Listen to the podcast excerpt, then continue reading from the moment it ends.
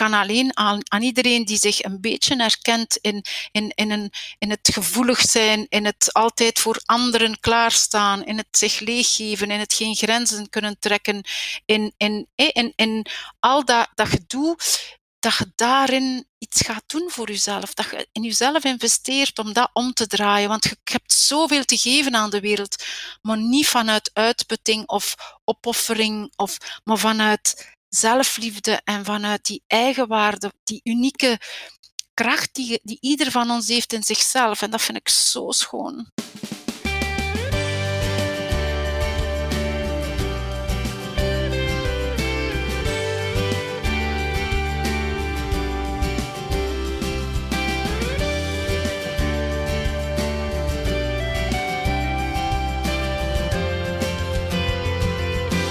Welkom bij de Coach Jan podcast, jouw online gids naar een sprankelend en betekenisvol leven. Welkom bij een nieuwe aflevering van de Coach Jan podcast. Vandaag is mijn gast Danielle Sachs. Zij is internationaal expert, spreker en therapeute in het thema eigenwaarde, zelfliefde en zelfzorg. Zij inspireert mensen om te leven in plaats van geleefd te worden. En vooral in deze drukke, veel eisende maatschappij. Ze heeft 35 jaar medische ervaring in stress, maar vooral sinds 2003, sinds dat ze zelf ernstig stressgerelateerde ziekte had overwonnen, begeleidt ze gevoelige en betrokken professionals en ondernemers om de beste versie van zichzelf te zijn zonder opoffering, uitputting of schuldgevoel. Ik vond het alvast een heel uh, leerrijk en uh, interessant gesprek. Ik hoop dat jij hetzelfde ervaart. En als je graag feedback geeft op uh, deze podcast of een van de andere afleveringen, dan ben je natuurlijk heel erg welkom. Want um, jouw rating, zoals dat dan heet op de podcast, die kan andere mensen helpen om ook deze podcast te vinden. Voilà, ik wens je veel luisterplezier met deze podcast met Daniel Sachs. Dit is de Coach Jan podcast. Dag Daniel. Dag Jan. Hallo. Hallo. Alles oké met u? Dank u. Wat een eer om hier te mogen zijn. Ja, het is gelukt. dat gaan we de wat, uh, luisteraar sparen. Hè? Gaan we dat sparen? ja, ik, ik ga toch een, een eerlijke bekentenis doen. Uh, onze vorige afspraak, dat was uh, op een zondagochtend. Hè, en ik had die glansrijk uh, vergeten. Hè. Normaal gezien uh, ben ik zo wel stipt in zo van die zaken, maar het is toch mij is gelukt om uh, niet op de afspraak te verschijnen. Mijn excuses daarvoor. We gaan dat dubbel en dik inhalen vandaag. Voilà, hè. zo is dat. Vertel eens, uh, Daniel, wie zeide jij precies? En wat doe jij? En ja, voilà. Verstel, stel jezelf eens voor aan de luisteraar. Oké, okay. dus in mijn eerste leven was ik uh, kinesist, fysiotherapeut, manuele therapeut. En uh, ondertussen, uh, ik ben in 1998, dat is ongeveer uh, ja, 22 jaar geleden, heb ik een heel ernstige ziekte gekregen door stress. En sindsdien, um, sinds dat ik daardoor ben geraakt, ondanks de prognoses van de dokters dat ik in een rolstoel ging zitten, nooit niet meer ging kunnen werken, et cetera ben ik daardoor geraakt en sindsdien begeleid ik mensen eigenlijk uh, ten eerste in, met natuurlijk de stress en ten tweede met het, uh, weet, weet je, naar een authenticiteit, een eigenwaarde, in een eigenwaarde te staan. Ik, uh, ik heb natuurlijk die medische achtergrond en dat gebruik ik ook nog steeds, want ik vind dat wel belangrijk dat er ook een stuk wetenschap et cetera in zit. Dus ik ben wel een life strategist, noemt dat in het Nederlands een levensstrateeg, eigenlijk dat ze zeggen. Dus ik geef heel veel strategische inzichten en tools, et aan mensen. Maar dus ik, ik zie mezelf eigenlijk vooral als een, een inspirator, een motivator, een mentor, een teacher, een, noem het een spreker, een auteur, um, maar vooral ervaringsdeskundige. Want het is van daaruit dat ik eigenlijk het meeste um, vanuit mijn hart en vanuit mijn eigen voelen uh, werk. Ja, dus ja, wauw. Um, dus als ik het goed begrijp, heb je eigenlijk in de jaren 90, 96 dacht ik dat het was? 98, ja. Of 98. 98. Uh, ja, zijn zwaar ziek geworden. Ja. Ehm, kun je daar iets over vertellen? Um, op het moment zelf weet je eigenlijk niet van wat en hoe. En dat was een hele serieuze. Ik, ik leefde toen in Zuid-Afrika en dat was een hele serieuze longvirus. Dus dat was een, een, een, een plek zo groot, een zwarte plek zo groot als een appelsien op de radiografie, mijn rechterlong. En dat tastte natuurlijk, eh, ze hebben nooit de, in, Afrika de virus kunnen achterhalen, maar dat tastte heel mijn immuunsysteem aan. Ik kon niks niet meer, kon niet meer slapen, kon niet meer ademen, kon, kon, niks niet meer. Dus dat was vrij ernstig van de ene dag op de andere dag. Uh, ik was een hele sportieve madame en ik probeerde altijd door mijn sport balans in mijn leven te krijgen en de stress op te vangen, et cetera. Maar blijkbaar na maanden van toch wel signalen die ik zelf wel heb niet altijd gezien als echte signalen, uh, heeft mijn lichaam op een bepaald moment gezegd stop. En dat is voor mij de grootste uitdaging al in mijn leven geweest. Um, achteraf gezien, Jan, en jij weet dat ook als je mensen begeleidt, achteraf gezien komt dat dan allemaal wat helderder van, dat is eigenlijk al jaren ervoor begonnen als hoogsensitief eh, kind, uh, mijn broertje verloren, daar de verantwoordelijkheid op mijzelf genomen om iedereen in mijn gezin, uh, de verantwoordelijkheid van hun geluk op mij te nemen en dat ook in mijn jong leven, um, ook als kinesist altijd, ik ben verantwoordelijk voor het geluk van anderen, altijd gericht naar de anderen, maar niet meer naar mezelf. En dus als je dat eigenlijk al die jaren nagaat, dan is dat niet verwonderlijk dat op een bepaald moment het lichaam zegt, ja, als jij niet stopt en als jij nu niet aan de, de me-time, de quality, de, de eigenwaarde, de eigenliefde gaat toepassen en het altijd voor de buitenwereld en de ander is, ja, dan ga ik u platleggen. Dus eigenlijk heeft mijn lichaam gerealiseerd dat niet op dat moment, want er is niks erger dan als moeder van drie kinderen, een prachtig gezin, een prachtige partner, van niks niet meer te kunnen doen. Maar achteraf gezien is dat de schoonste cadeau geweest.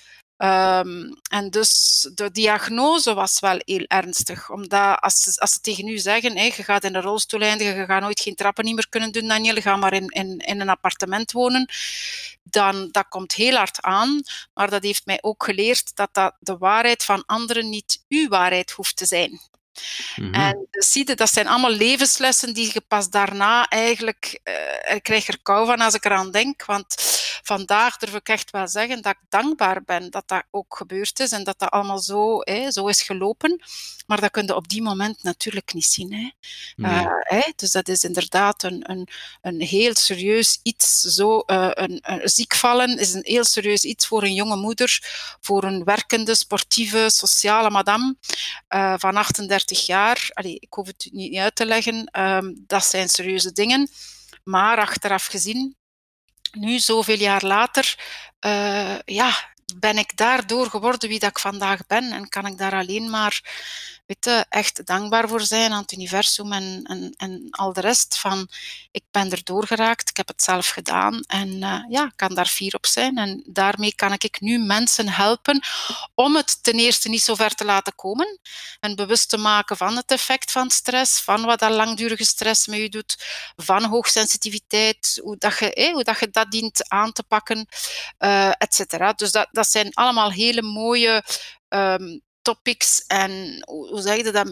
Allemaal gebieden waarin dat ik mij heb kunnen als expert door ervaring, et cetera. Ik ben er zelf doorgegaan. Ik ben nog altijd van mening, ook als kinesist had ik dat, als je niet weet wat dat migraine is of wat dat een gebroken been is, dan is dat allemaal goed om, hé, om als uh, kinesist met de andere mensen daarop in te gaan. Maar als je het zelf hebt meegemaakt, dan is dat al een heel ander ding. Eigenlijk zouden ja. alle dokters eens goed ziek mm dienen te worden voordat ze, hé, omdat je daar dan helemaal anders natuurlijk in staat en naar kijkt. Dus voilà. Ja.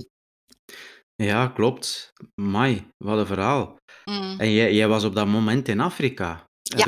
Ja. Ja. Hoe waren die omstandigheden?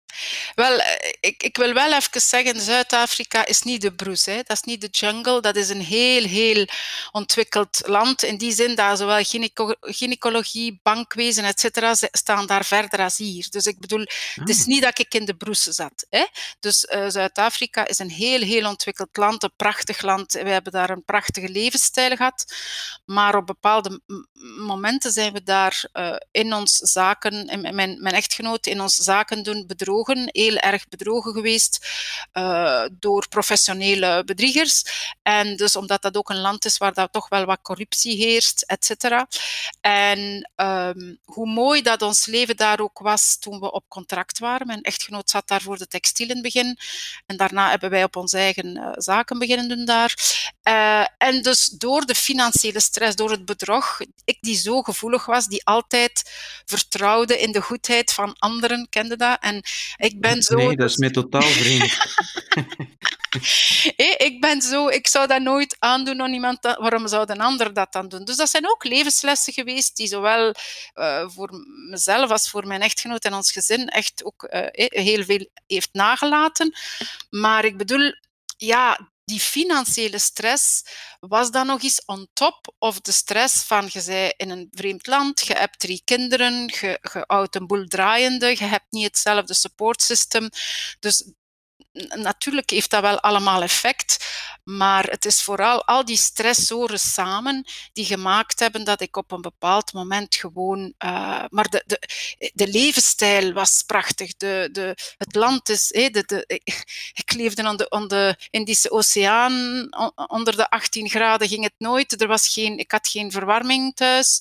Dus ik bedoel, qua levensstijl en et cetera was dat ongelooflijk. Maar de stress blijft daar hetzelfde. Mensen denken dikwijls, hé, het gras is groener aan de andere kant.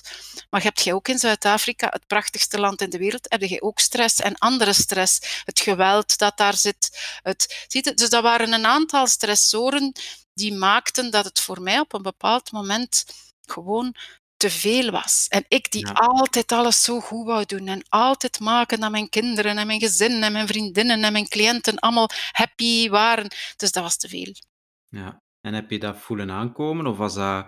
Voor mezelf dien ik eerlijk te zijn dat ik inderdaad, en ik heb dat achteraf pas gaan, uh, gaan naar kijken, dat is altijd Jan, achteraf kunnen zeggen, ja, toen had ik het geweten, toen eigenlijk had ik het kunnen zien, toen eigenlijk had ik het kunnen voelen. Ik heb ik tekens gehad, is een periode van wat duizelig en heel vermoeid te zijn, is een periode van, hé, dat je voelt, tja, ik heb ik toch precies wel wat hartkloppingen, maar je bent een sportieve en je, weet je, je gaat slapen om twee uur s'nachts, want je hebt een prachtig sociaal leven. Ik bedoel, als je 38 jaar bent, zijn dat, ja, achteraf gezien had je dat kunnen weten, maar op die moment. Maar ik voelde wel aan mezelf dat het te veel werd. Dat ik, uh, en als je mijn boek ziet, het cover van mijn boek heb ik speciaal die oceaandingen zo genomen van precies, je komt van de diepte van de oceaan en je krijgt zeupen, zeupen, zeupen, zeupen. Ze, die, ze duwen nu elke keer opnieuw door en je komt zo een ene keer boven om eigenlijk terug te kunnen ademen. Dus eigenlijk zat ik, had ik echt wel al paar zeupen gehad, snapte? Dus ik zat eigenlijk wel op een, een beetje een overlevingsmechanisme, survival modus, maar ik besefte dat op die moment niet. Gelijk dat er in deze maatschappij is nog erger. Twintig jaar geleden hadden niet die 24-hour availability, die, die, die, die druk die we vandaag hebben, die social media, dat, dat bestond. Toen was dat nog veel minder. Dus je kunt denken vandaag hoe dat de mensen op survival modus leven. Jij en ik weten, vanuit de praktijk weten we dat. Maar de mensen beseffen het niet altijd.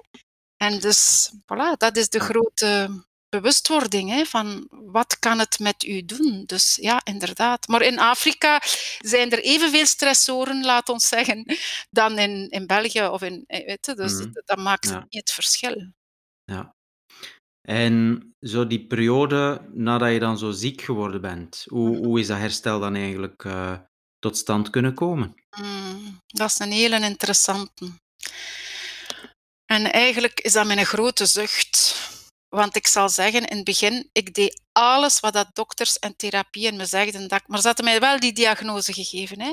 Ja, ja. Er, er, was zelfs een van de dokters hier in België, uh, want we zijn toen in 2000 teruggekomen na elf jaar in Zuid-Afrika, omdat ik ziek was en omdat ik niet kon werken. En dus die financiële druk werd zo groot dat het, allee, ik, ik kon niks doen. Ik kon die verantwoordelijkheid niet alleen op mijn echtgenoot leggen voor, voor die drie kinderen, plus daar de scholen, dat kost daar verschrikkelijk veel geld, die privéscholen, et cetera, om uw kinderen dan de juiste opvoeding en scholing te geven. Dus wij zijn dan teruggekomen naar België einde 2000, maar zelfs in die, in die periode uh, hier in België zeiden dokters tegen mij, ja, um, weet je, dat gaat hier evolueren in een, in een heel serieus chronisch vermoeidheidssyndroom. Je gaat nog tien jaar op je zetel liggen. Uh, ik ken er die zelfmoord plegen. Weet je, mensen beseffen niet, dokters beseffen niet de kracht van een woorden, de kracht van een diagnose. En daarin hmm. ben ik ook heel veel, word ik opstandig als ik soms hoor hoe dat dokters omgaan met mensen, hoe dat ze psychologisch mensen in een waarheid duwen die niet de waarheid hoeft te zijn. En dus dat was voor mij een grote, gelukkig was ik een medisch persoon, gelukkig was ik een heel bewust persoon in verband met weet, gezondheid, eh, dingen als kinesist. Ik kende mijn lichaam vrij goed. Dus ik had zoiets op een bepaald moment van, nu heb ik hier al alles geprobeerd. Ik luister naar die dokters, ik doe, ik rust, ik rust, ik doe wat ze zeggen en er is geen vooruitgang. Ik bleef plat liggen. Ik kon mij, er zijn momenten geweest dat ik mij amper kon wassen, dat ik amper kon koken. Ik kon niks. Ik kon echt niks. Mijn kinderen hebben een mama gekend en zij waren toen nog heel jong. Uh, nu zijn ze getrouwd en hebben ze kinderen, dus ik ben een grootmoeder. Maar ik bedoel, toen op dat moment zien zij een mama als heel, heel ziek, die niks kan. Dus voor hen was dat ook een heel serieuze levensles. En ik heb toen op een bepaald moment, hebben mijn kinderen mij heel, heel slecht gezien en heb ik gedacht, nee, ik, ik, ik, dit, met alle Chinezen, maar niet met een deze, dit kan niet zo blijven doen. En ik heb dus die waarheid beginnen op een achterste, eh, op een, een, klein vuurtje, maar echt eigenlijk zelfs weggedaan voor mezelf en gezegd van oké, ik ga het hier anders doen. Ik ga beginnen lezen. Ik heb beginnen, weet zowel de oude wijsheden, uh, de tolteken, de, de, de, de Taoïsme, de, alle, al die um, Eckhart Tolle, alle uh, Don Miguel Ruiz, al die die wijsheden en ook de kracht van de geest, het onbewuste, het bewuste. En ik ben dat allemaal gaan bestuderen en doen. En ik heb voor mezelf, ook als ik had die medische achtergrond als kinesist, en ik ben gaan zeggen tegen mezelf: oké, ik ga mijn lichaam stap per stap terug trainen. Zowel mentaal, fysisch, emotioneel als spiritueel. Ik ga beginnen visualiseren, ik ga beginnen actie nemen. Ik weet nog goed, de eerste keer, mijn man herinnert mij er altijd aan, de eerste keer fietsen, twee minuten.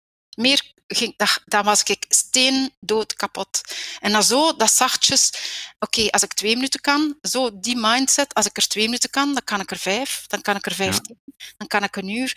En dus zo alles opbouwen, maar vooral ook het mentale.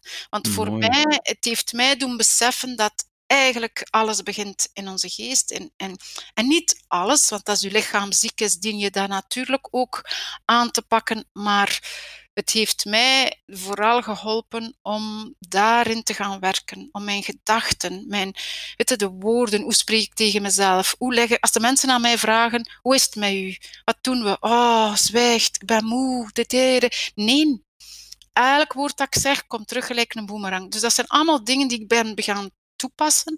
En dat heeft mij dan de ja, stapje per stapje versterkt. Ik zeg niet, ik heb ondertussen reiki gedaan. Uh, ik ben um, meditatiecoach bij Deepak Chopra. Ik ben relaxatietherapeut sowieso. Ik, dus ik heb heel veel extra dingen nog gestudeerd. Hè? En ook de mind en zo. Ik ben ondertussen RTT-therapist. Ik, ik, ik studeer nog altijd, ook op, op mijn leeftijd nu.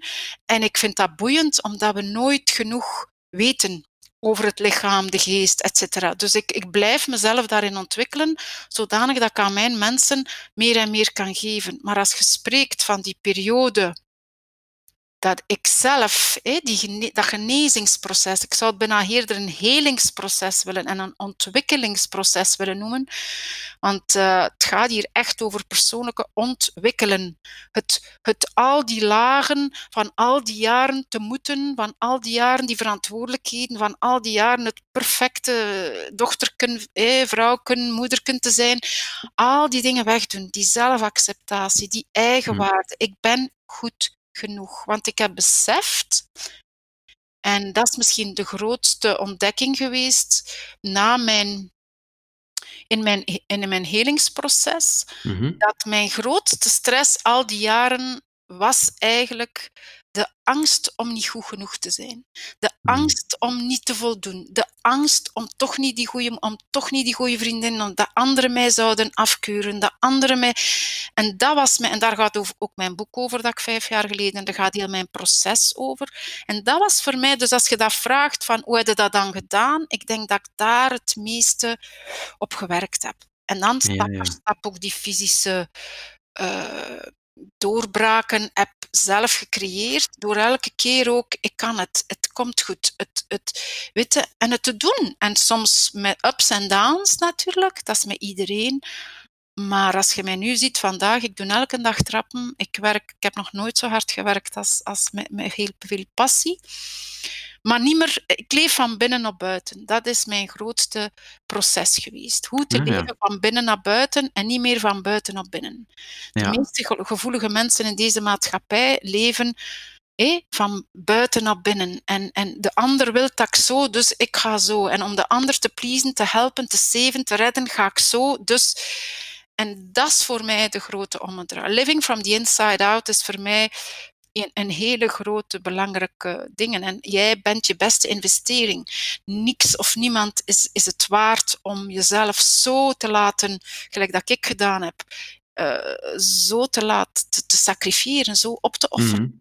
Mhm. Niks Ja. of niemand, zelfs je eigen kinderen, je eigen partner, niks is het, niemand of niemand is dat waard. En ik heb dat wel gedaan. Ja. Ja, je hebt, je hebt dus een boek geschreven hè, over heel dat proces. En ook, eh, het is een zeven stappen eh, plan, dacht ik. Eh, om inderdaad, om je, je balans te hervinden, om, om vanuit innerlijke kracht in het Mhm. leven te staan. Hm? Ehm, zijn dat ook stappen die je zelf, ik vermoed van wel, eh, toepast in de praktijk voor jezelf?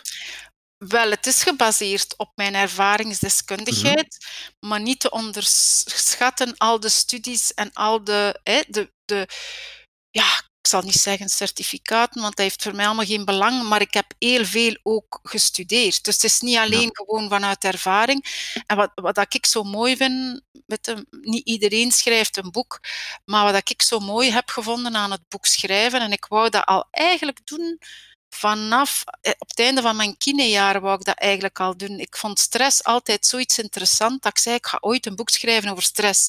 En dus toen, toen met, met al dat ziek zijn en al dat helingsproces, kon ik eigenlijk niet anders dan dat boek schrijven. En voor mij, omdat je over dat boek spreekt, voor mij was die zeven stappen eigenlijk al mijn ervaring, zowel vanuit mijn kine, vanuit mijn zijn, vanuit mijn spirituele ik, vanuit mijn ervaring met, het, met de ziekte, vanuit al die dingen, heb ik eigenlijk een zeven stappen systeem. Eh, dat is mijn journey, zo gezegd. Hè, dat ik bijna allemaal in, ineengepakt heb. Hè, eerst via mindmapping en allemaal van, oké, da- daar hoort dat bij. Da, de eerste stap, wat is eigenlijk het belangrijkste? Die eerste, st- en zo heb ik zeven stappen en je kunt die door elkaar doen. Je hoeft die niet in volgorde te doen, maar ik, ik doe die met, als ik mijn mensen begeleid, dan, dan zit daar altijd wel dat zeven stappen systeem ergens, ergens in. Ja. Dus ja, het is heel mooi. Het is voor mij een Ja. journey geweest. Ja. Mm. En wat is volgens u de meest interessante stap van die zeven stappen?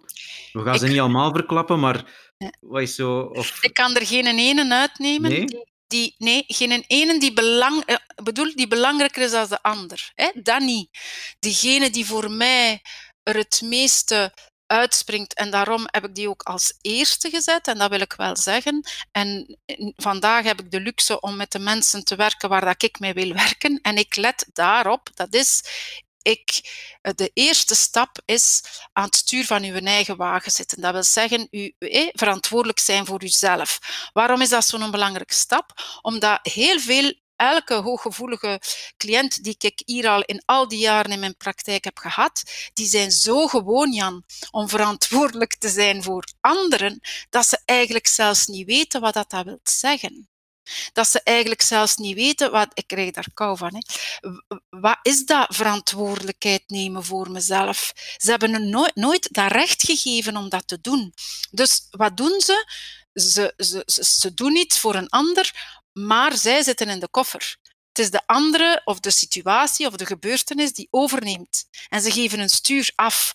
Dus ik vind het heel belangrijk dat ik met mensen werk die inzien van ik wil veranderen, ik wil er iets aan doen. En ik ga in mezelf investeren, ik commit aan mezelf die verantwoordelijkheid. Het is niet meer het slachtofferrol, het is niet meer het is de fout van de dienen. En ja, maar je beseft niet dat ik een mama ben van drie. Ja, ik heb het allemaal meegemaakt, je hoeft het mij niet te zeggen. Dus maar die verantwoordelijkheid van ik ga nu aan het stuur van mijn wagen zitten. Ik ben verantwoordelijk voor mijn eigen gedachten, mijn eigen gevoelens, mijn eigen acties, mijn eigen gewoontes, etc. Dat is voor mij eigenlijk bijna de... E en dat is de eerste stap in het systeem. Maar als je dus mij vraagt, zonder die stap weet ik niet of dat die andere stappen eigenlijk wel zin hebben. Want dan ervalde jij altijd terug in je patroon. Ja, klopt. Ja.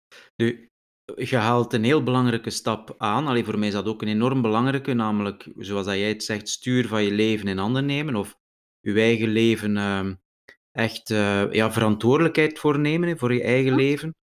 Um, nu, wat mijn ervaring is, en ik ben wel benieuwd hoe dat je daar naartoe kijkt, is als je mensen daar bewust van maakt, dat is niet zo moeilijk om, om dat inzicht te, te, verwerven, maar om dan te weten van, maar wat wil ik dan eigenlijk en wat vind ik belangrijk? Zo, dat proces die daarna komt, daar hebben heel veel mensen het wel heel moeilijk mee. Maar ze inderdaad altijd zoveel gefocust hebben op, op anderen en zorgen voor anderen, dat het ontzettend moeilijk is om zo die, die leegte die dan ontstaat, ja. Um, ja, om daar een antwoord op te gaan vinden. Ja. Um, dank u dat je mij die vraag stelt. Want eh, ik, ik heb dat in het begin ook uh, gevonden van oei, hè, ik was daar klaar voor en ik heb dat inzicht gehad. Maar, hè, maar wat dat voor mij heel belangrijk is, Jan, en ik maak altijd zo een, een tekening in het intakegesprek, dat de mensen, ik, ik spreek graag vanuit tekeningen en metaforen, zo, zodat de mensen dat goed kunnen zien. Maar voor mij gaat het, de meeste mensen die op dat punt komen en, en, en in, in, die, in die situaties zitten dat ze beseffen van het kan niet verder zo, ik wil het anders. Dat zijn mensen die heel erg in hun hoofd zitten.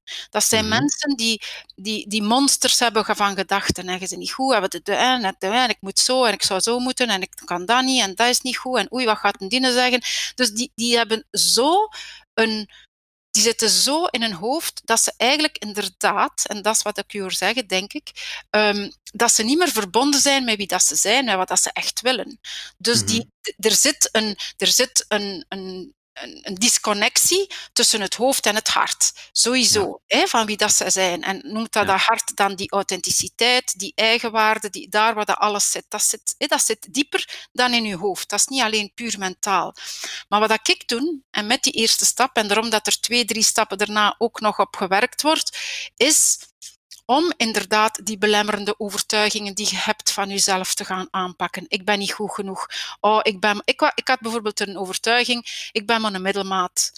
Eigenlijk is dat geen slechte overtuiging, want de middelmaat, dat is al niet slecht. Maar het heeft mij wel in heel veel dingen belemmerd dat ik nooit voor mezelf vond dat ik de beste kon zijn. Of een tennismatch tegen een twee, drie geclasseerde ogen dat ik dat kon winnen, want ik was maar middelmaat. Of dat ik unief uh, kine kon doen, want ik zou maar hogere school doen, want ik ben middelmaat. Dus, en en dat, is nog dat is nog maar een kleine beperkende overtuiging. Ik heb er nog veel gehad van, ik ben niet goed genoeg, hè, als dit, als dat. Maar ik bedoel, gepakt dan ook die, die mentale monsters, die mentale beperkende overtuigingen die je over jezelf of het leven ik heb mensen die alles al hebben, die succesvol zijn, maar die, die niet gelukkig zijn. Die, die in hun hoofd heel, die zijn, of dat ze nu dokter of advocaat, of ik moet geen, geen, geen beroepen zeggen, het is gelijk welk ding, maar die succesvol zijn in een bedrijf hebben, die succesvol zijn, maar die, gelijk dat jij zegt, is dat wel, is dat wel wat ik wil?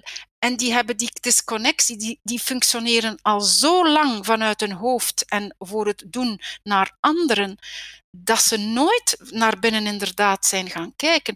Dus je kunt volgens mij inderdaad niet van die eerste stap en dat inzicht te hebben, direct van, ja, maar wat wil ik dan? Er zit nog een heleboel werk tussen. En een van de dingen die daartussen zit voor mij, en dat is ook daarom dat ik RTT heb gestudeerd in de laatste jaren, Rapid Transformational Therapy gaat in het onbewuste die belemmerende overtuigingen gaan aanpakken. We gaan naar de onderliggende oorzaak van waarom, waarom vind ik me niet goed genoeg? Waarom ben ik angstig? Waarom komt dat elke keer als ik voor publiek ga spreken dat ik toeknijp? Hoe komt dat? Dus we gaan. Dus dat zijn dingen die, die dienen aangepakt te worden voor alleer dat je echt kunt weten, ja, maar wat wil ik nu eigenlijk? En je eigen graag zien. Dat, je Mhm. kunt dat zomaar niet, iemand die bij mij komt, kan ik niet beginnen met stap 6 en 7 van je eigen graag zien, want die weten niet wat dat is. Ja. Hè? Ja, eh, allee, ja. Does it make sense? Ik, ik, er- er, is Absoluut, hele, absoluut. er is een hele weg nog tussen voor mij dat, dat inzicht van ja, ik wil die verantwoordelijkheid voor mezelf en ik snap wat dat je zegt. En te gaan vinden van, ja, maar dat betekenisvol leven dat jij noemt, Ja. dat sprankelend leven, wat is dat dan voor mij? Mhm. Eh, Is er zo'n cliënt dat je voor ogen hebt waar, waarbij dat je dat proces hebt, hebt tot een mooi einde kunnen brengen? Hm. Honderden. Honderden. Oké. Wat is... ja, dat was een strikvraag, hè? Ja. En wat is wat het mooie- met proces? Want, Ja. allee, ja.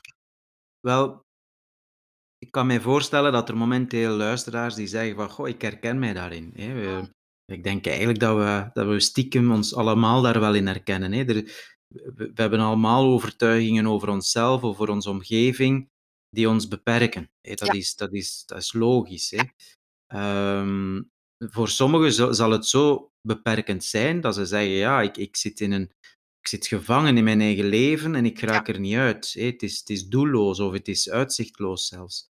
Ehm, Het is een patroon waar dat je elke keer terug in valt. En je probeert bewust, bewust probeert daar iets aan te, doen, aan te doen, want je hebt yoga en je hebt zoveel meditatie, je kunt zoveel dingen proberen bewust daaraan doen. Maar Ja. heel dikwijls is dat een geconditioneerd patroon dat in je onbewuste zit en dat je zomaar niet alleen, ah, spijtig genoeg, kunt aanpakken. Hè? ja, ja. Klopt. Hoe zouden dan via RTT, zoals je eh, daar juist zei, hoe zouden dat kunnen aanpakken? Is er zo'n voorbeeld van een cliënt waarmee dat je zo'n proces hebt doorlopen, dat je zegt van, ja, wauw, dat dat echt een, een fantastische...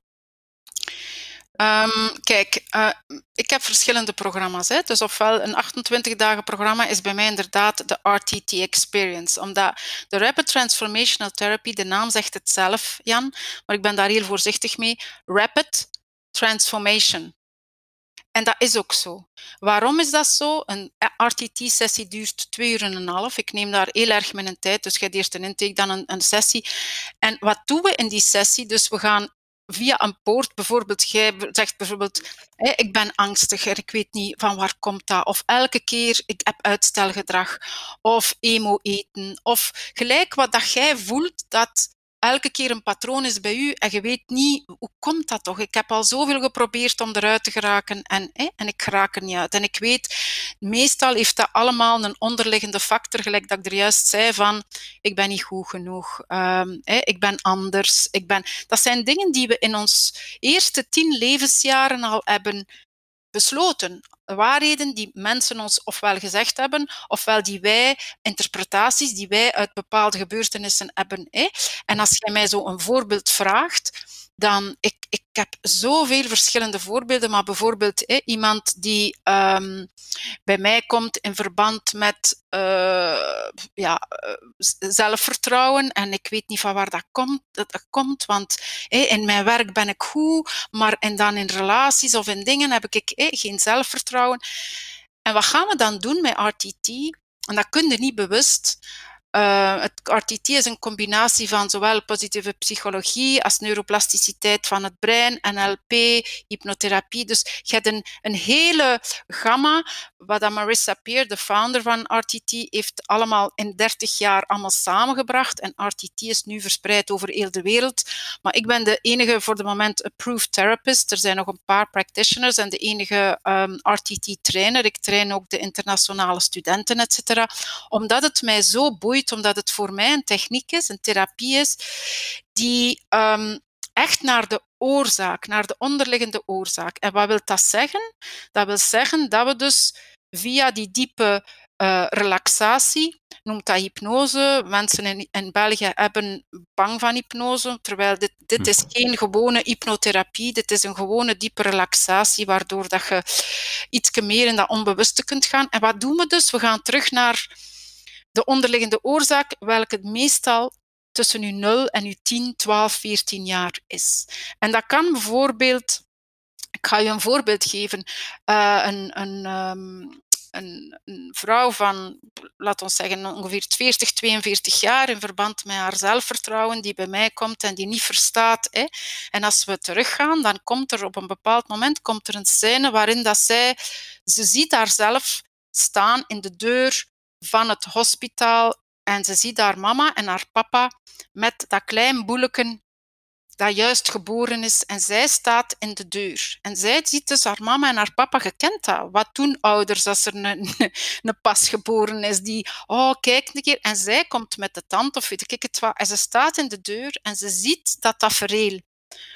Die ouders hebben niks misdaan. Die ouders hebben, wat doet dat kind? Dat geeft de interpretatie aan zichzelf. Oei, ik ben niet meer belangrijk. Oei, ik, zie het, het is nu aan dat kind. Ze hebben meer aandacht voor dat kind.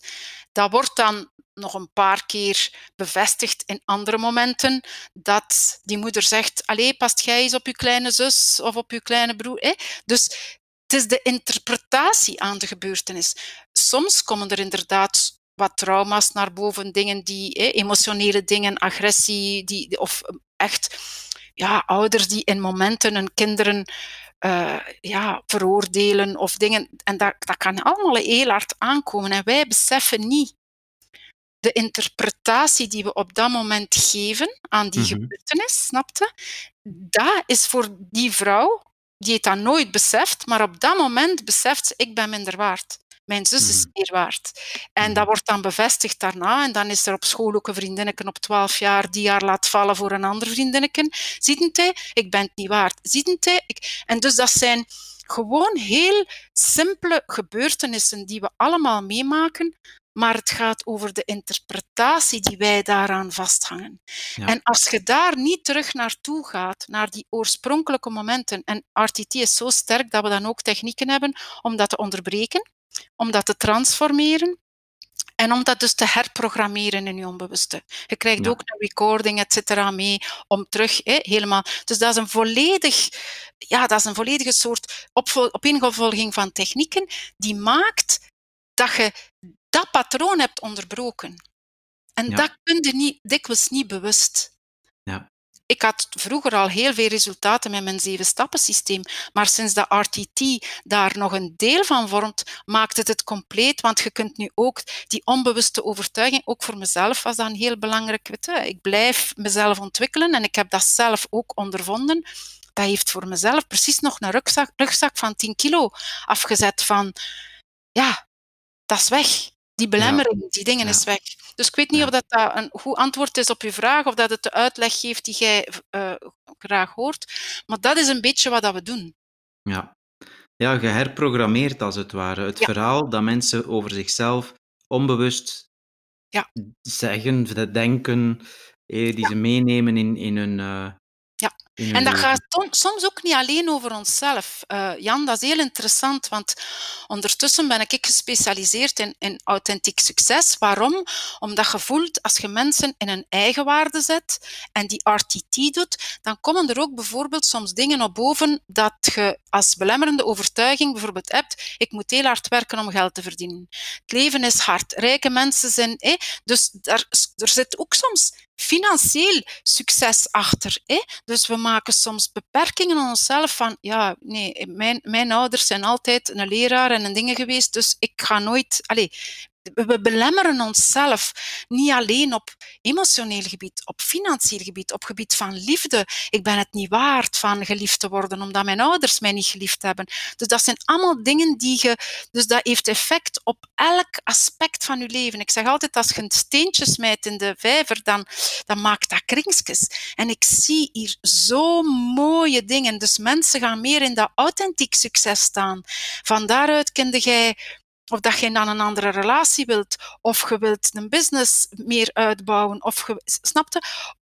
maakt niet uit. Vanaf dat je daarin gaat werken, gebeuren er magische dingen, magische transformaties. Echt waar. Mooi. Ja, tof, hè? Ik heb er mij stil van gekregen. Zeg. Ja, maar daar, ik kan het niet genoeg. Ehm, daar zit, zit de kern van de zaak. Want vanaf dat je daaraan begint te werken, dan besef je pas hoeveel dingen dat we interpreteren. Die, en dat bedoelde ik ook in het begin als je zei tegen mij, de dokters hadden tegen mij gezegd, eh, ja, ga maar niet in een huis wonen, ga maar in een appartement wonen, want je gaat nooit geen trappen niet meer kunnen doen. Als ik dat interpreteer op 38 jaar als mijn waarheid, dan is dat ook zo. Hmm. Dan ga ik dat ook niet meer kunnen. En ik wil niet spreken over, eh, want dan vragen de mensen, ja, maar is dat dan ook zo met kanker en met dit en met dat? Ik, ik, ik ga hier niet zeggen dat ik de wereld, maar ik wil gewoon de mensen zeggen, de waarheden die wij soms aannemen van anderen en die wij, omdat het een dokter is, of omdat het een priester is, of omdat het, weet ik het wel, onze kinesist is, of omdat het onze leraar is geweest, Ja. die ons zegt van, jij wiskunde, maar jong toch, of jij schrijven, Hmm. maar jong toch. Maar dat is niet. Dat is hun Klopt. waarheid geweest. Klopt. Wel, ik heb ehm, van de week per toeval een cliënt gehad. ehm, en die vertelde eigenlijk haar verhaal. En die zei: Ja, ik ben bij een vriendin geweest. Een vriendin die ook eh, eh, een bekende coach is hier in, eh, in Vlaanderen dan. En ehm, die, die vrouw zei: van, Ik was mijn verhaal aan het vertellen. En die vriendin, dus die coach, vroeg aan mij: Hoeveel keer heb je dat verhaal nu eigenlijk al verteld? Ik vond dat eigenlijk wel heel knap dat die vriendin dat dan eigenlijk durfde Mhm. vragen. Hè, maar dat moeten goede vriendinnen kunnen doen. Hè, zo Ja. even wat confronteren. Maar niet een coach. Allee, ja. Ik weet niet. Toch niet in het begin. Het is te zien, ja. Het was niet haar coach. Hè. Het, het was Ah, niet haar oké. coach. Nee, nee, nee. Ah, pardon. Ik dacht Nee, dat ze een coach- coachingrelatie had. Ah, nee. Nee, nee, nee, nee. Het was gewoon een vriendin. hè, maar ze, ze is een bekende coach in Vlaanderen. En dus, ehm, ja, die vrouw zei, ja, ik heb dat eigenlijk al heel vaak verteld. Ja, en, Mm. en die vriendin zei, ja, je beseft toch iedere keer als je dat verhaal vertelt, dat je dat meer en meer opneemt, dat je dat zwaarder en zwaarder maakt. Wordt je leven daar beter van, van dat iedere keer te vertellen, dat verhaal? Ja, toen moest je natuurlijk even slikken, want dat is natuurlijk niet zo. Dat maakt je leven niet beter. Zo ventileren, dat kan soms wel eens deugd doen, Mm. maar mensen begrijpen inderdaad niet altijd goed de, de kracht van, van verhalen. Ja. En, en weet je, wij, wij maken allemaal van alles mee in ons leven. En de kunst is inderdaad om, om soms ook uw verhaal, uw verhaal te laten zijn en het achter u te laten.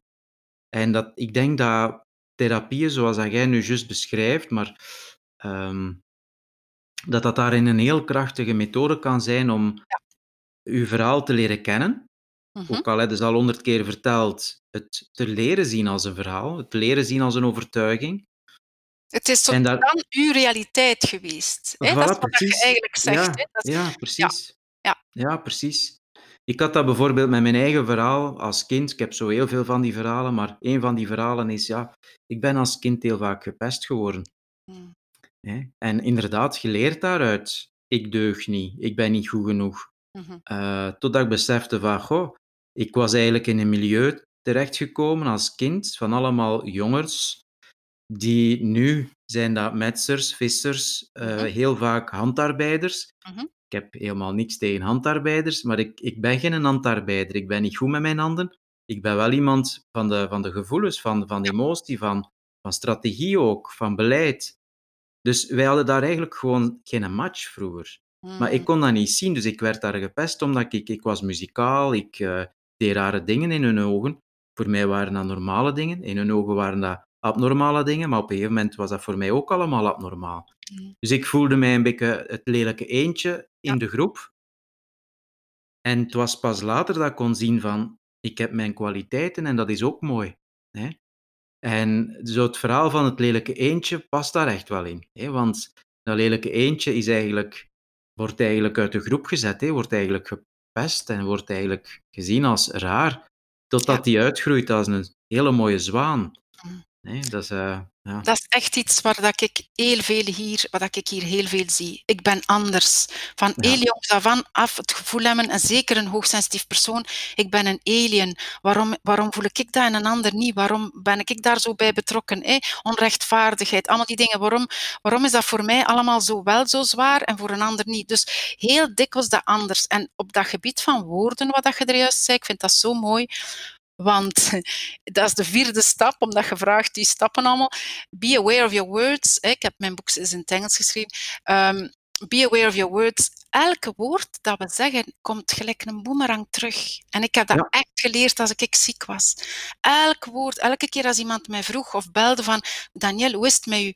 Ik, up, opnieuw. En het gaat niet. En ik ben niet goed. En, en dat komt hier nooit. En ze hebben mij gezegd dat. En, en op een bepaald moment diende te zeggen van stop, stop. Dus inderdaad, be aware of your words is, is, is, is een van ook een inzicht. Hè? Met mensen, ja, dat, dat, dat dat is oké. Iedereen, we zitten in een maatschappij, zeker met social media, waar we dan nog eens fake words gebruiken, waar dat we faken dat goed gaat. Dat is ook, dat is ook de juiste manier niet, denk ik dan.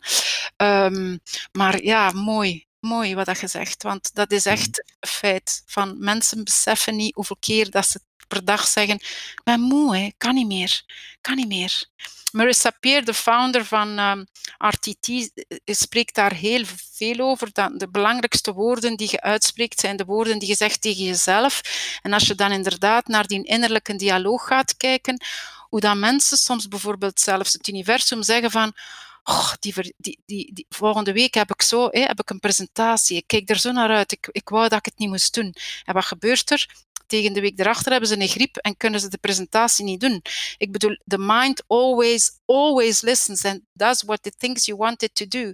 Dus als jij in je geest zegt, dus ziet het, dus dat zijn allemaal zo'n mooie tools en, en, inzichten die je mensen kunt geven, waardoor dat het leven anders is en sprankelend en betekenisvol. Ja. Want je kunt het ook in het positieve gaan gebruiken, hè, Jan?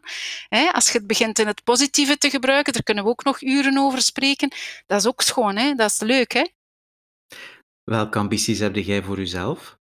Ah, oh, ik wist niet dat die vraag ging komen?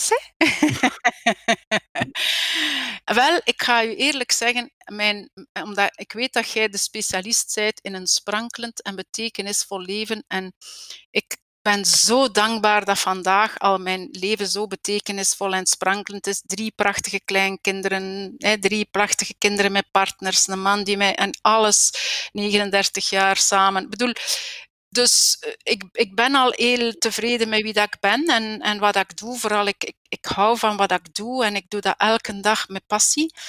Maar ik heb nog een grotere visie. Omdat ik, ik heb niet voor niks een Engels boek geschreven. Ik ben ook internationaal veel bezig. En um, Living Authentic Success is mijn nieuwe brand, omdat ik uh, in plaats van altijd maar in die stress, want mensen op den duur kennen mij als stressexpert, uh, zelfzorgexpert, maar in de laatste jaren, zeker ook door die RTT, ben ik echt nog meer in die authenticiteit gaan staan. En wat ik voel, Jan, en misschien heb jij dat ook met cliënten, als mensen authentiek gaan zijn met zichzelf en ze doen werk op gebied van ik ben, ik, ik, ik ben het waard, ik ben goed genoeg. Al die dingen, vanaf dat je meer en meer in die authenticiteit en dat je gaat voelen van wie ben ik eigenlijk, wat wil ik eigenlijk. Um, en ik ben mij daarin gaan meer specialiseren omdat ik voel dat vanaf mensen in die, in die authenticiteit staan, dan is succes bijna logical, bijna mm. natuurlijk. Dan is, is dat die fulfilling, die, dat fulfillment, hè, die voldoening in dat leven, dat, dat, dat is gewoon een natuurlijk... Ik, ik hoef daar zelfs bijna geen moeite voor te doen met mijn mensen, want dat, die, die zeggen zelf, er komt zoveel naar me toe en daar, kun je dat geloven? Ja, ik kan het geloven, want dat is hoe dat het werkt. De wetten ja. van het universum, van die energie werken zo. Dus mijn, uh, mijn ambities zijn inderdaad nog wel wat groter om die living authentic success echt in de wereld te zetten. En vooral ook om RTT in België nog veel sterker te maken. Uh, in de zin van, ik vind het zoiets mooi. Ik wil dat niemand ontnemen, die kans ontnemen om dat te doen. Mijn dochter is, is nu daar ook mee bezig. En dus ik, ik zoek, allez, er zijn een, een aantal uh, therapeuten, denk ik, in wording in België. Dus dat wordt zeker iets dingen. Maar het is zoiets prachtig. Dat, en het past volledig in mijn zeven stappen systeem. Maar de Living Authentic Success. Wat is succes voor u? Want dat is voor iedereen anders. Is dat een goede grootmoeder zijn? Is dat, heb jij een missie in de wereld? Wilde jij impact in de wereld hebben? Uh, wat is authenticiteit voor u? Wie zijde jij? En die, die alignment met je hart en je hoofd. En dan living it. Dat is wat we er juist zeiden, van die verantwoordelijkheid nemen, die commitment nemen van ik ga dat ook. Want het is zo gemakkelijk om er terug uit te schieten. Hè? We, zitten, hè, we zijn zo geconditioneerd om terug voor die anderen, om terug voor die wereld, om terug voor die, hè, die naar buiten te leven. Al dat zijn onze overlevingsmechanismes, hè, onze automatische patronen. Daar schieten we heel gemakkelijk terug in. Ja, zeker. Ja. Dus de Living Authentic Success by Daniel Sachs is, is, mijn nieuwe brand. En, en dus dat is echt mijn... Ja, en de RTT is voor mij ook een, een... Daarom dat ik ook die training dingen gedaan heb, want ik hoefde dat niet te doen. Maar ik, ik vind het zo boeiend om anderen daarin te trainen. En ik doe nu een paar Belgische studenten en ik vind dat echt heel tof. Ja. Dus dat, dat is zo'n diepe, mooie dingen, dat, dat, dat is echt de moeite waard. Dus ja. voilà. En heb jij zelf iemand, een coach, waar je naartoe gaat? I walk my talk. Ik ja. heb er drie. Ik heb er drie. Dus te zeggen, okay. één voor mijn business. Ik vind ja. dat heel, heel... Um, één voor mijn... Weet je, uh, ik zal niet zeggen één een RTT-ding, maar ik heb al heel veel RTT-dingen gedaan. Maar ik heb een coach voor mijn emoties. Ik vind dat heel belangrijk. Mijn emotioneel leven, mijn hoofd-hart-connectie voor mezelf. Ja. Want gebeuren dingen die me raken. En dan voor mijn lichaam, omdat ik nog altijd vind dat het lichaam is, een heel, is mijn voertuig, is mijn tempel. En dat heeft bij mij heel erg afgezien al in mijn leven. Daar, daar, hoeven we niet verder op in te gaan, maar dat heeft echt heel erg afgezien. Dus ik wil dat verzorgen. En uh, voilà, dus I walk my talk. Ik investeer heel veel in mezelf. Ik denk ja. dat mensen nog altijd niet genoeg in zichzelf investeren. Ze investeren in een huis, een auto, uh, alle kleren, alles, technische dingetjes, alles. Maar in zichzelf en in hun eigen ontwikkeling voor mij in België vooral, uh, wordt dat nog te weinig gedaan. We doen ja. vooral wat ze terugkrijgen van de ziekenkas, maar um, nog te weinig vanuit de, de, de zelfontwikkeling, de zelf, het bewustzijn. Dat, mag, dat, kan, dat vind ik, ik, dat is ook een beetje mijn missie, om dat nog veel meer in de wereld te zetten. Ja, ja. oké. Okay. Je hebt een hele speciale familienaam. Ja, hè? Ja, Saks. Ja, hè? Dat is toch geen familie van uh, van de Sax, uh, Alfred Sax. Ben je daar familie van?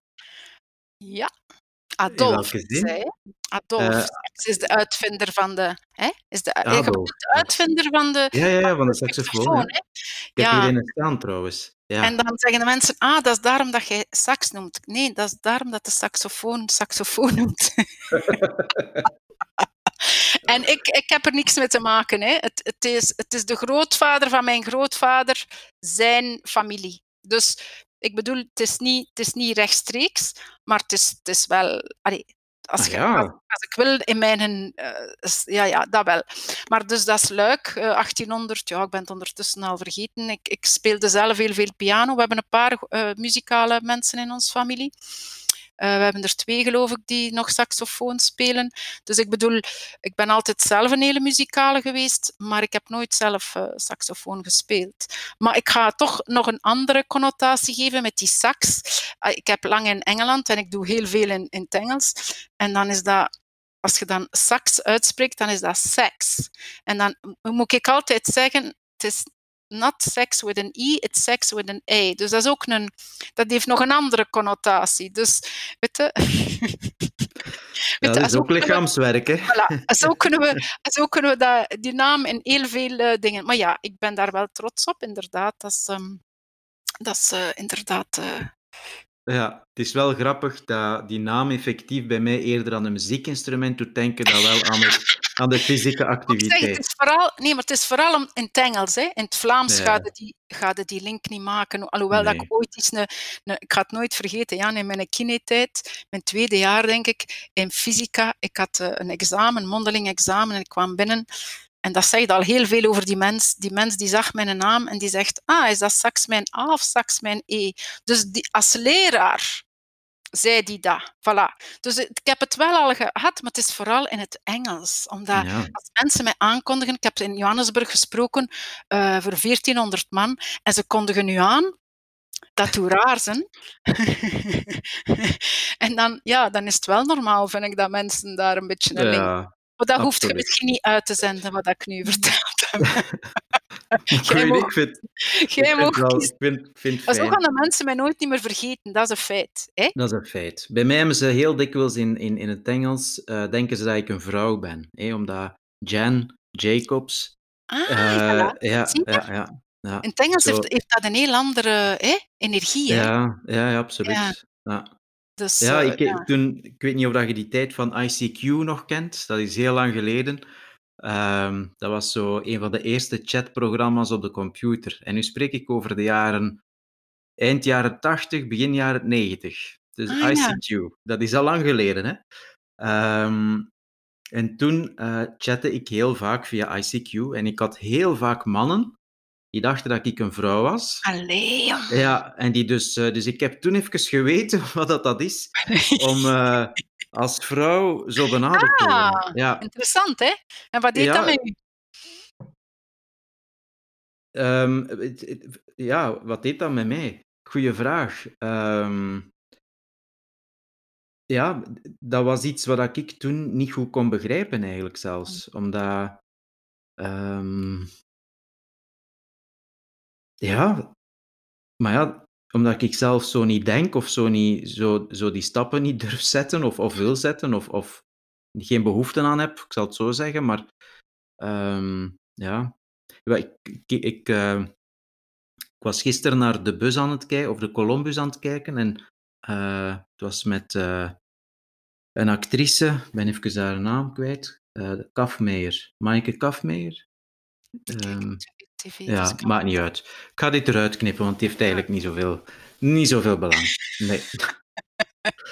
Ze vertelden ook hoe dat zij als, als jongere, of als jong meisje, eigenlijk ehm, Ja, ja, ehm, op straat werd eh, van haar fiets gesleurd. En ik vond dat een heel heftig verhaal eigenlijk. Ja, en het moeten maar een die paar... Jan. Ah, Ja, ah, wel, hè? Ja, zie je dus vanaf dat je, want je kunt iets, iets klein hebben, hè, een migraine. Of een, Mhm. een- weet je, sommige- soms zijn het fysische symptomen. Hè. Het, zijn niet altijd, het is niet altijd emo eten of uitstelgedrag of, of ang- anxiety. Soms zijn het echt fysische symptomen of paniekaanvallen. Of van waar komt dat? Wat, wat, ja, ik heb hier al van alles. En soms kom je echt dingen tegen dat je, dat je echt verschiet.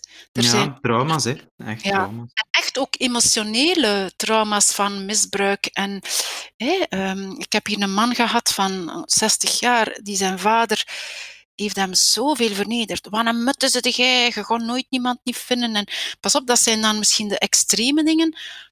Maar die man, allee, die heeft ook proberen zijn leven opbouwen en die heeft ook proberen zijn, maar als je dat hoort. En het mooie is met RTT, je draait dat om en je leert die echt nog zichzelf nu, op dit moment, op 60 jaar, eigenlijk voor de eerste keer echt graag te zien. Hè?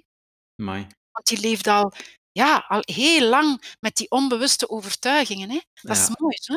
Dat is, dat is Ja. heel emotioneel ook. Hè? Dat is mooi. Hm.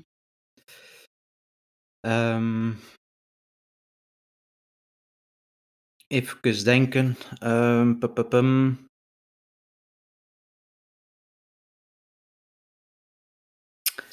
Ik ga eens even hier kijken. Tududutum.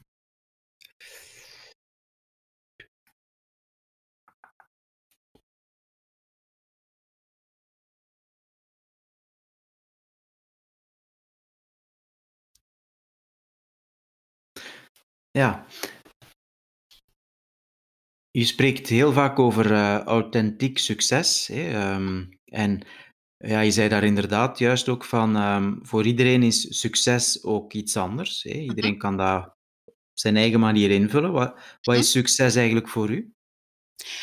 En wel, het is gelijk dat ik er, als je mij die vraag er juist zei van welke visie heb je nog, heb ik u ook geantwoord van voor mij is mijn leven op dit moment, ik, ma- allee, ik, ik, ik zie mijn succes, mijn vorm van succes, is al eh, het grootste deel geslaagd. Waarom?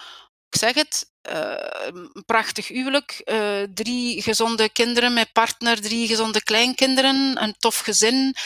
Ehm, ik doe wat ik graag doe.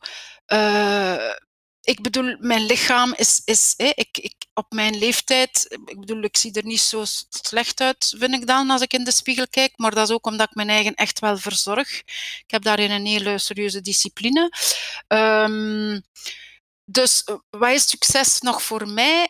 Wel, dat is nog meer impact. En eigenlijk ook het financiële voor mij kan beter in de zin van ik wil die levensstijl kunnen blijven houden, want volgend jaar gaat mijn man op pensioen. Dus uh, van een pensioenke kun je niet leven. Uh, dus ik, ik wil zeker nog uitbreiden financieel, maar dan niet zozeer voor mezelf, maar ik zou graag nog veel meer geven aan de wereld. Ik heb ah, een hele tijd, uh, ik weet wat dat is, ik heb, als ik, voordat ik ziek werd, hebben wij echt met 10 euro moesten wij toekomen hè, om een gezin van vijf. Dus ik weet wat dat is om niks te hebben. We zijn met niks teruggekomen en ik was dan ziek. Hè, dus wij hebben met vijf geleefd bij mijn ouders, et cetera, van nul teruggestart. Dus ik, op dat gebied ben ik echt nu succesvol. Hè. Maar ik wil het nog uitbreiden voor mezelf. Ten eerste omdat ik uh, het gewoon ook mezelf gun. Ik vind op we komen op een leeftijd waar ik wil dat comfort en, en ik, maar het is vooral, ik wil nog een project doen in Afrika, in Zuid-Afrika, van waar dat ik ge, geleefd heb, om daar nog iets te doen. Ik weet nog niet of dat een school gaat zijn of eerder iets, eh, huizen bouwen of zoiets. Dus ik wil nog veel meer geven, maar ook in België. Ik vind dat er in België ook eigenlijk, kijken altijd naar de, de armoede in andere landen. Eh, en in Afrika, et cetera, en wat er nu aan de gang is in Amerika en allemaal die dingen. Maar ik, ik zie ook heel veel armoede en, en dingen in België. Dus is dat iets met RTT gratis aanbieden? Is dat, ik heb dat nu gedaan voor de coronacrisis, dat ik zei van eh, degenen die met stress zitten, ik heb gratis telefoongesprekken gegeven. Uh, dus ik, ik geef graag. Ik ben nog altijd, dat gaat er niet veranderen. Ik ben daardoor misschien wel ziek geworden door te veel van mezelf te geven, maar ik ben nog altijd een gever. Ik doe eerst zelfzorg. Dat, dat is een feit. Niemand of niks is het waard om mijn eigen leeg te geven. Dat er, you, you give from a full cup. Let, let your cup run over, zegt Oprah Winfrey. En ik doe dat ook. Dus ik geef ook echt heel veel aan mezelf. Maar ik ben nog altijd een gever, Jan. Ik ga dat, niet, dat gaat er niet in mij kunnen veranderen. En of dat, dat dan gratis sessies is, of een gratis producten, of of dat dat dan financiële steun is. En daarvoor wil ik eigenlijk nog meer in die, als je dan over financieel succes spreekt, nog meer die een business, die, die multiple six-figure business hebben, om, om op dat gebied meer te kunnen geven. Ja, ja. Dat, dat, is een beetje nog mijn doelstelling voor de komende tien jaar. Ik, ik ga ja. niet op pensioen. Hè. Ik, ik blijf werken tot als ik sterf. Hè. Dus ik bedoel, okay. wat ik wil doen, um, misschien op een andere manier. Maar ik bedoel, ja, dat is toch nog voor mij een, een, een drive om, ja. om, om nog meer te kunnen geven. Ook misschien aan de volgende generatie. Ja, en je hebt kleinkinderen, hè? Ja, drie. Tof, hè? Drie. Wat zou jij willen dat die zo later tegen hun kinderen en kleinkinderen vertellen over Daniel, ah, over hun oma? Dat is een mooie vraag. Dat is een mooie vraag. Uh, vooral een oma die unconditional love gaf, vind ik. Die een, een nam gelijk dat ze waren, bij wie dat ze zichzelf konden zijn, die nooit judgment heeft geveld. Die, ik heb een heel veel judgment gekend in mijn leven. Hey, dat oordelen altijd. Uh, en ik heb dat ook gedaan met mijn kleine kinderen, want ik heb dat doorgegeven. Als mijn kinderen klein waren, bedoel ik. Maar nu heb ik daar een heel ander standpunt in. Ik heb dat eenmaal omgedraaid naar mijn kinderen toe en ik, ik, ik heb dat ook naar mijn kleinkinderen. Dus dat. Um, ja, ik denk als ik dat kan meegeven, dat ze zichzelf mogen zijn en dat het vertrouwen dat, dat er voor hen ook een pad is, dat, er, dat ze uniek zijn, dat er ja, dat, dat, die wetten van het universum meegeven, moest ik dat kunnen, want dat heb ik nooit meegekregen en ik vind dat zo krachtig als je werkt met de wetten van het leven in plaats van er tegen strijden en forceren en altijd maar proberen. En, nee, dus ik hoop dat ik hen dat kan meegeven.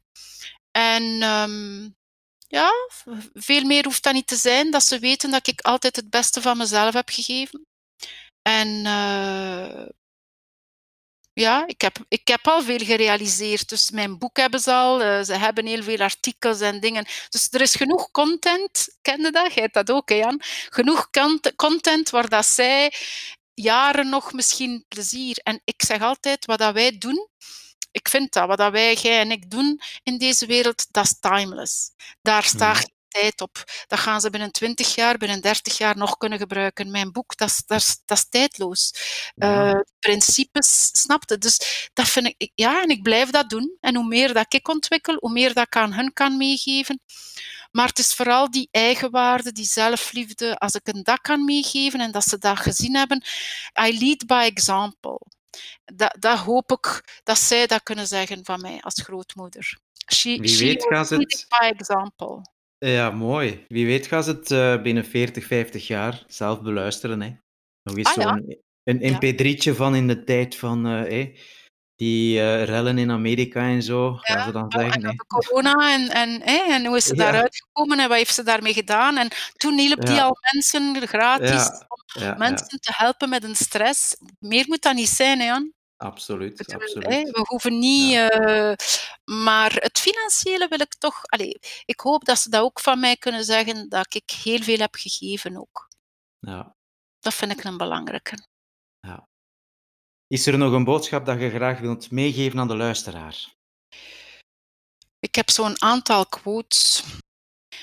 Ehm, jij bent je beste investering, want de bewuste zelfzorg, waar ik altijd over spreek in mijn programma, dus het grenzen leren trekken, verantwoordelijkheid nemen, leven van binnen naar buiten, dat is voor mij, zelfzorg is voor mij niet aan eh, eten, drinken, slapen, eh, yoga, meditatie. Dat, dat, dat helpt allemaal heel veel, maar het echte werk is het innerlijke werk voor mij. En ehm, dat mensen beseffen dat dat geen luxe is, maar een noodzaak. Voordat de dingen, eh, gelijk voor de ziektes, voor de serieuze symptomen, voor de crisissen. Ehm, dus ik kan alleen aan, aan iedereen die zich een beetje herkent in, in, in, een, in het gevoelig zijn, in het altijd voor anderen klaarstaan, in het zich leeggeven, in het geen grenzen kunnen trekken, in, in, eh, in, in al dat, dat gedoe, dat je daarin iets gaat doen voor jezelf. Dat je in jezelf investeert om dat om te draaien. Want je hebt zoveel te geven aan de wereld, maar niet vanuit uitputting of opoffering, of, maar vanuit zelfliefde en vanuit die eigenwaarde, die unieke kracht die, die ieder van ons heeft in zichzelf. En dat vind ik zo schoon. Hmm. Als je dat Prachtig. kunt. Mm. Ja. Wat kunnen we hier nog aan toevoegen? Hè? Jij, jij, jij kunt hier zeker nog iets aan toevoegen, Jan. Jij bent Ja. een specialist hè, in betekenisvol leven. Wat heb, wat heb jij hieruit gehaald voor jezelf? Wat heb ik hier voor mezelf uitgehaald? Ik heb heel vaak in het gesprek moeten denken aan, ehm, aan voorbeelden die echt eh, ondernemend in het leven staan. Die ondanks eh, hun eigen verhaal, ondanks overtuigingen die ze wellicht gehad hebben over zichzelf of soms zelfs nog altijd hebben, toch doen wat dat ze vinden dat ze moeten doen. En dat vind ik het schoonst. Hè? Want ik denk dat we heel vaak, ehm, als we zo zeggen van je kunt beperkende overtuigingen omvormen of eh, loslaten, ik denk dat mensen dan te veel denken van ah, dan ben ik ze kwijt, dan zijn ze, dan zijn ze weg, dan, dan, dan heb ik dat niet meer. Maar ik denk dat dat niet helemaal klopt. Allee, ik weet niet hoe, hoe dat jij dat ervaart. Ehm, zelf ervaar ik dat beperkende overtuigingen, dat het een kwestie is van er gewoon bewust van te zijn, dat die er zijn, dat die soms ons de neiging hebben om ons terughoudend op te stellen of net iets niet te doen. Maar als je dan bewust bent van het feit dat die overtuiging daar is, kun je wel stappen zetten om toch te doen wat dat je vindt dat je moet doen. Ja. Ja, En dat is eigenlijk een beetje wat ik meepak uit het gesprek ook met u. Ehm, ja, dat, Bewustwording is sowieso, Jan. Eh allee, dat weet jij en ik goed. Als, het is daar zit de, de eerste regel is bewust worden van gelijk Ja. Als je niet bewust wordt dat je elke avond tussen, tussen acht en negen s'avonds begint koekjes te eten, omdat je eh, leegte hebt en omdat je weet dat je je niet en je verveelt je. En als je er niet bewust van bent, kun je er niks aan doen. Dus dat snap Voilà. ik. Hè? Dat snap ik dat je dat... Hè? Maar ik, ik wil gewoon vanuit mijn ervaring, ik zit nu meer dan 20, 30 jaar in het vak, als het geen 40 is, van, hè, vanuit onze stresspatronen en ons, ons, die gedachtepatronen, waar dat we onbewust toch... Dat onbewuste is voor mij wel een, een eye-opener geweest, in de zin van je kunt heel veel dingen bewust aanpakken en ik ben daar helemaal mee akkoord. En dan gaat het al, al tot een bepaalde ehm, bereik hebben en een bepaalde doelstelling al geraken. Maar eh, om echte vrijheid te ervaren en om echt daarvan die rugzak echt af te zetten, eh, ja, mm, je hebt misschien gelijk dat sommigen onder ons dat bewust kunnen door, door die perseverance, door en, en, en het te doen en te herhalen en te herhalen en te herhalen, zeker en vast. Uh, maar het is wel iets volgens mij dat, dat een grote door, doorbraak kan betekenen, ja. Dat Mhm. wel. Ja. Als je het anders aanpakt. Dus dat is mijn Ja. ervaring. Maar dat wil Ja. niet zeggen, dat is gelijk, uh, gelijk dat ik er juist dat voorbeeld geef van die speculoos of weet ik het wat dat je eet. Hè. Als je dat bewust aanpakt met je wil en met je discipline, dan kun je dat trainen dat je dat niet meer doet. Maar de specialisten zeggen, als je dat onbewust niet aanpakt, om te zien van wat is die leegte en wa- waarom doe je dat en wat is dat juist, ja, dan, eh, dan, dan hervallen we meestal wel in de Maar patronen. dat, dat klopt ook. En zelfs sterker nog, als je dat enkel op gedragsmatig niveau doet, dan eh put je jezelf gewoon op een gegeven moment uit. Voilà. Je kunt dat niet alleen op gedragsniveau doen. Nee. Dat is een, Voilà. eh, dat is een, ja, daar ben ik het helemaal mee eens. Maar ieder, elke stap dat we al doen, hè, als iemand nog niet klaar is om dat dieper werk, of om, als jij al gewoon die verantwoordelijkheid neemt, die bewustwording, uw woorden, gelijk dat jij er straks zegt, dat zijn allemaal al... Ik, ik, ik heb jaren zoveel resultaten gehad met mijn zeven-stappen-proces, zonder echt dat onbewuste op die manier aan te pakken. En dat waren prachtige resultaten. Hè? Dus ik onderschat dat zeker niet. Uh, natuurlijk, één keer als je dat tool hebt, dan, dan, ja, dan spoorden mensen aan om dat, om, om dat nog op een diepere laag aan te pakken. Maar dat, dat hoeft niet. Ik ben altijd al blij als mensen die verantwoordelijkheid willen nemen.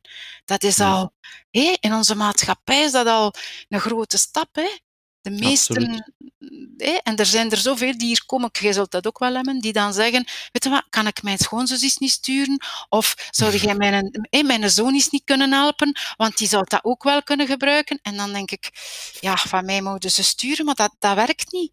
Dat gaat niet werken. hé, ziet je? Dus, Ja, dus daar, daar, daar ligt het allemaal. Hè. Dat is al die eerste ja, ja. stap. Hè. Wilde jij bewust Men- worden? Hè? Wilde Voilà. jij het aanpakken? Ja. Zwaar, hè? Dat is onze Mensen job, moeten hè, eerst wakker worden. Hè? Mensen Ja. moeten eerst wakker worden. En zo'n crisis, zoals dat jij hebt ervaren, en zoals dat de meeste mensen ja, in hun leven op een of andere manier ook tegenkomen, hè, die, eh, die doet de ogen openen. Hè? Maar ik denk dat Ja. de corona dat toch ook nu heeft gedaan. Voor sommigen is dat toch ook een, eh, voor sommigen nog meer een trauma, want hé, laat ons niet onderschatten mensen die op een klein appartementje met twee, hé, met twee en twee kinderen of drie kinderen zitten en de frustratie en de emotionele, als we spreken over emotioneel hé, geweld, hoe dat mensen gefrustreerd zijn geraakt. Ja. Maar ook langs de, langs de positieve kant denk ik dat er mensen nog nooit zo bewust zijn geworden nu van hun gezondheid. Want hè, als je weet dat de, de bepaalde eh, mensen met diabetes, overgewicht, eh, over de zoveel jaar, et cetera, veel meer kans hadden om, om, om corona te krijgen, et cetera. Ja, ik denk toch dat er mensen zijn gaan nadenken. Dus ik denk toch Ja, dat onze gezondheid call, en, ja, hè, en onze bewustzijn Mhm. dat dat toch weer niet voor niks is geweest om, de, om het bewustzijn van de mensen toch, wat dat ze er daarna mee doen, if everything goes back to normal, of dat ze het dan vergeten zijn, dat is een andere kwestie. Ik ga nooit niet meer vergeten wat aan mij is overkomen. Ik, ik, integendeel, ik bedoel, dat is mijn missie, om mensen daarin... Maar je hoort wel dikwijls hè, dat mensen ehm, een tegenslag gaat hebben en dan is het voorbij en dan zijn ze het allemaal al terug vergeten. Hè. Dat, dat, maar ik ga dat nooit vergeten, in elk geval. Nooit niet meer. Dus Ja. eh, voilà. In elk geval, ehm, het, is, het, is, het is een mooie journey geweest en ehm, ik, ik ben dankbaar elke dag. Ik, dat is nog een mooie tip ook, hè? dankbaarheid. Als we dat ook al, ah, wel, als we dat ook al, hè, want we kunnen spreken over onbewust, maar als we al eens bewust dankbaar gaan zijn voor wat er wel is en wat we wel hebben en wat, Mhm. er wel, wat we wel kunnen en wat, Ja. hè, dat is ook al. Ja, absoluut. Dat is een oefening mij, dat ik heel ja, vaak met mijn cliënten meegeef. Een dankbaarheidsboekje bijhouden. Eh, Je kunt dat in heel veel verschillende vormen doen. Ja, en ik heb dat gedaan. Dat is een van mijn tools ook, die ik meegeef aan mijn mensen, omdat het mij, als ik plat lag, er was niks moeilijker. Want als je in deze situatie, jij nu, vandaag en ik, we hebben veel dingen om dankbaar over te zijn. Maar als je plat ligt, je kunt niks niet meer, je bent ziek, je lichaam kan niks, eh, je, je kunt niets doen voor je kinderen, dan is het veel moeilijker om dankbaar Dan te is het zijn. moeilijk. En om dan die oefening te doen, dat heeft mij echt heel veel geholpen. Dat heeft ook Ja. een soort ommekeer geweest om niet te gaan denken van de dokters hebben gezegd dat ik dat niet meer ga kunnen en dat en dat gaat niet en dat lukt Ja. niet. Maar Ja. dankbaar zijn voor de bloemetjes en de knuffel en de, het- de kleine dingen, dat heeft ook die mindset beginnen, beginnen kijken naar wat dat wel, ah, dat is gelukt. Oh ja, als dat ene keer lukt, dan gaat dat nog eens lukken. Zie je? Dus dat is ook een hele mooie om mee te geven. Hè? Dat is ook betekenisvol leven. Hè? Absoluut. En dat, is- dat is een basis die mensen ook allemaal onderschatten. De kracht daarvan is zo groot. Dus ja, nog, maar zo kan ik nog uren doorgaan en jij ook. Hè? Ik denk dat wij samen nog vele uren kunnen vullen. Ja, absoluut. Ik vond het een heel fijn gesprek, Daniel. Ah, dank u. Ehm, ja, Heel leuk. En, eh, ja, Heel leuk. en ik ben er Dank u. zeker van dat de mensen er ook echt iets gaan aan hebben. Ze weten mij te vinden. Hè? Absoluut. We voegen alles ook toe aan de Mhm. website. hè, Dus eh, de linkjes naar uw, eh, naar uw boek en naar uw website en zo Ja, verder. oké. Eh, voilà. Dank u wel en eh, tot later. Ik hoop u terug te zien. We, we zien wel hoe en waar en hoe, maar eh, dat komt goed. Hè? Dat komt Tot nog zeker eens. goed. Dank Tot u. nog eens. Tada. Dit was de Coach Jan podcast. Reageren op deze aflevering kan via www.coachjan.be podcast. Vond je dit een goede aflevering? Dan stellen we jouw waardering en beoordeling in iTunes op prijs. Dit zorgt er mee voor dat ook andere mensen deze podcast vinden. Bedankt voor het luisteren en vergeet niet, maak er een sprankelende en betekenisvolle dag van.